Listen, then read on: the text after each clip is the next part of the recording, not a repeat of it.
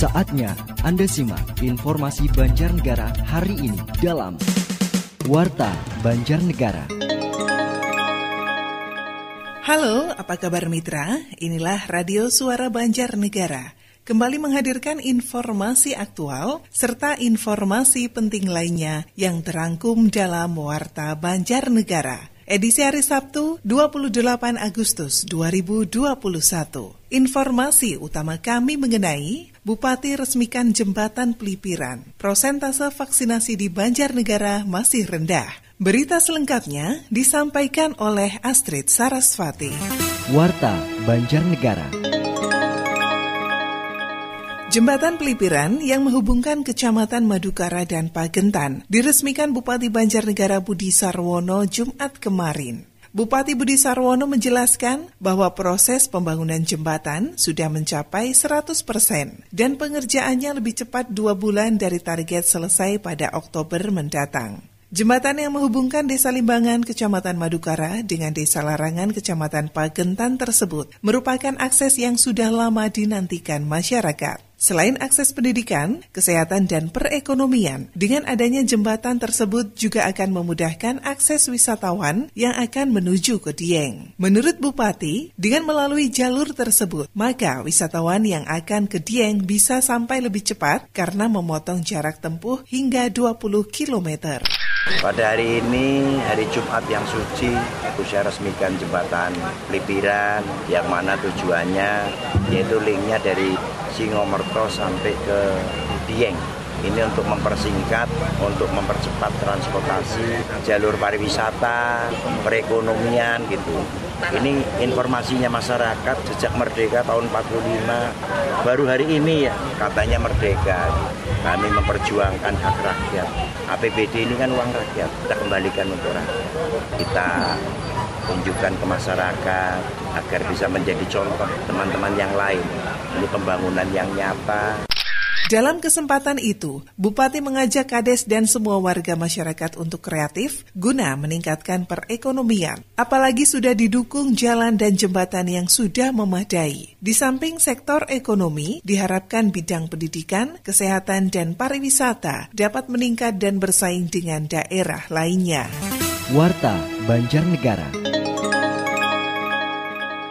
Mitra, Dinas Kesehatan Kabupaten Banjarnegara terus melakukan upaya percepatan vaksinasi COVID-19 kepada masyarakat. Kepala Dinas Kesehatan Kabupaten Banjarnegara, Dr. Latifah Hesti mengatakan, dari total sasaran 799.084 warga Banjarnegara, jumlah warga Banjarnegara yang sudah mendapatkan vaksin tahap 1 baru sebanyak 14,4 persen. Sementara yang sudah mendapatkan vaksin tahap 2 sekitar 8,26 persen. Menurutnya, masih rendahnya jumlah masyarakat yang mendapatkan vaksin ini disebabkan keterbatasan kuota vaksin yang diterima untuk Banjarnegara, meskipun animo masyarakat untuk mendapatkan vaksin masih sangat tinggi.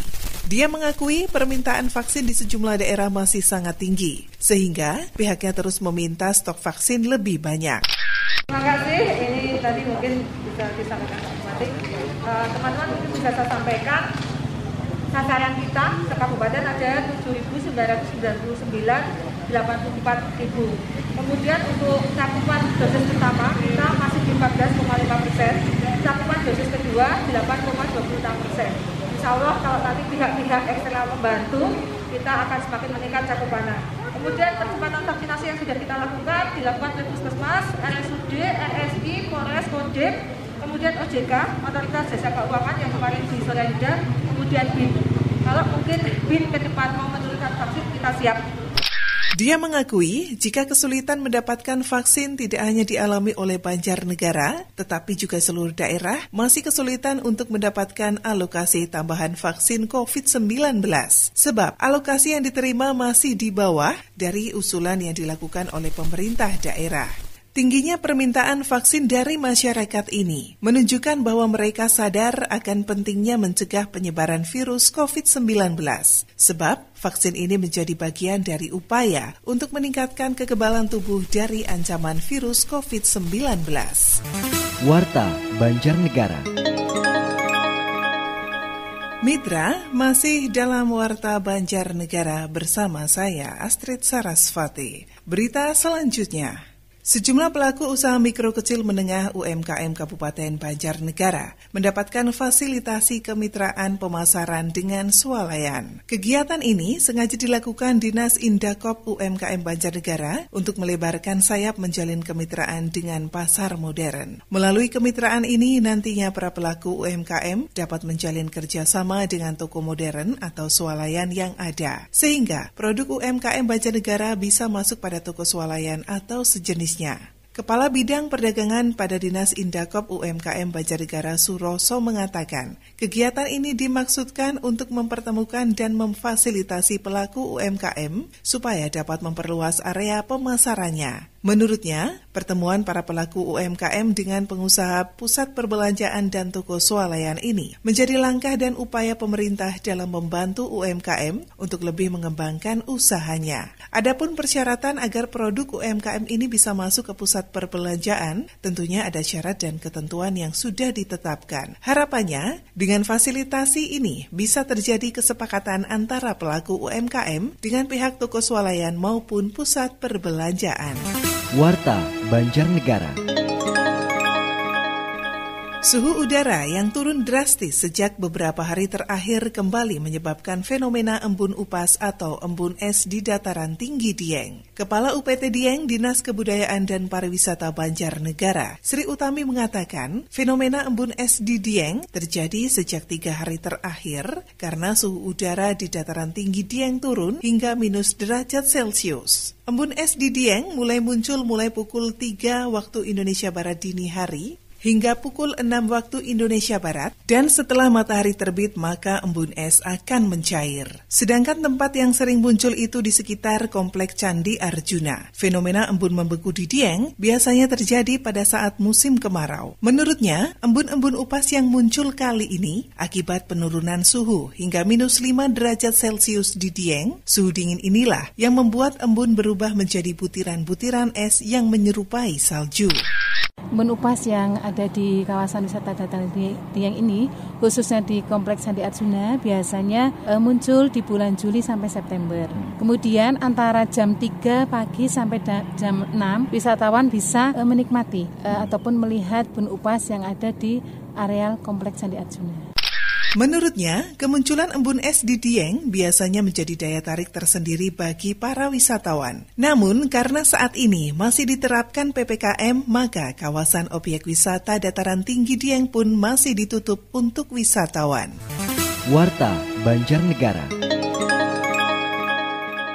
Mitra, kami sampaikan berita yang terakhir. Sebagai wujud kepedulian sesama para insan koperasi Banjarnegara yang tergabung dalam Dewan Koperasi Indonesia Daerah atau Dekopinda Kabupaten Banjarnegara, membagikan sedikitnya 360 paket sembako pada masyarakat yang membutuhkan. Pembagian sembako ini dilakukan bagi masyarakat kurang mampu dan terdampak pandemi COVID-19 yang tersebar di beberapa wilayah. Distribusi sembako dilakukan serentak dan akan terus dilakukan secara rutin. Koordinator Aksi Masyarakat Koperasi Peduli COVID-19, Sugino Purnomo mengatakan, bantuan sembako tersebut berasal dari partisipasi gerakan koperasi-koperasi anggota di Kopinda Kabupaten Banjarnegara. Ratusan paket sembako berisi beras, minyak goreng, mie instan, gula, dan kebutuhan lainnya dengan harga sekitar Rp200.000 per paketnya. Menurutnya, kegiatan tersebut adalah bentuk perhatian dan kepedulian di Kopinda Kabupaten Banjarnegara negara dalam mengurangi dampak ekonomi terhadap warga terdampak COVID-19. Pihaknya berharap bantuan tersebut bermanfaat dan meringankan beban warga yang terdampak pandemi COVID-19. Sementara itu, Wakil Bupati Banjarnegara Syamsuddin mengatakan aksi sosial dari insan koperasi ini merupakan aksi nyata kepedulian koperasi terhadap masyarakat yang terdampak pandemi. Tidak hanya itu, kegiatan tersebut juga bagian dari eksistensi gerakan koperasi di Kabupaten Kabupaten Banjarnegara dalam membantu program pemerintah dalam rangka pemulihan ekonomi nasional. Warta Banjarnegara. Demikian mitra Warta Banjarnegara kali ini. Akhirnya, mewakili kerabat kerja yang bertugas, saya Astrid Sarasvati mengucapkan terima kasih atas kebersamaannya dan sampai jumpa.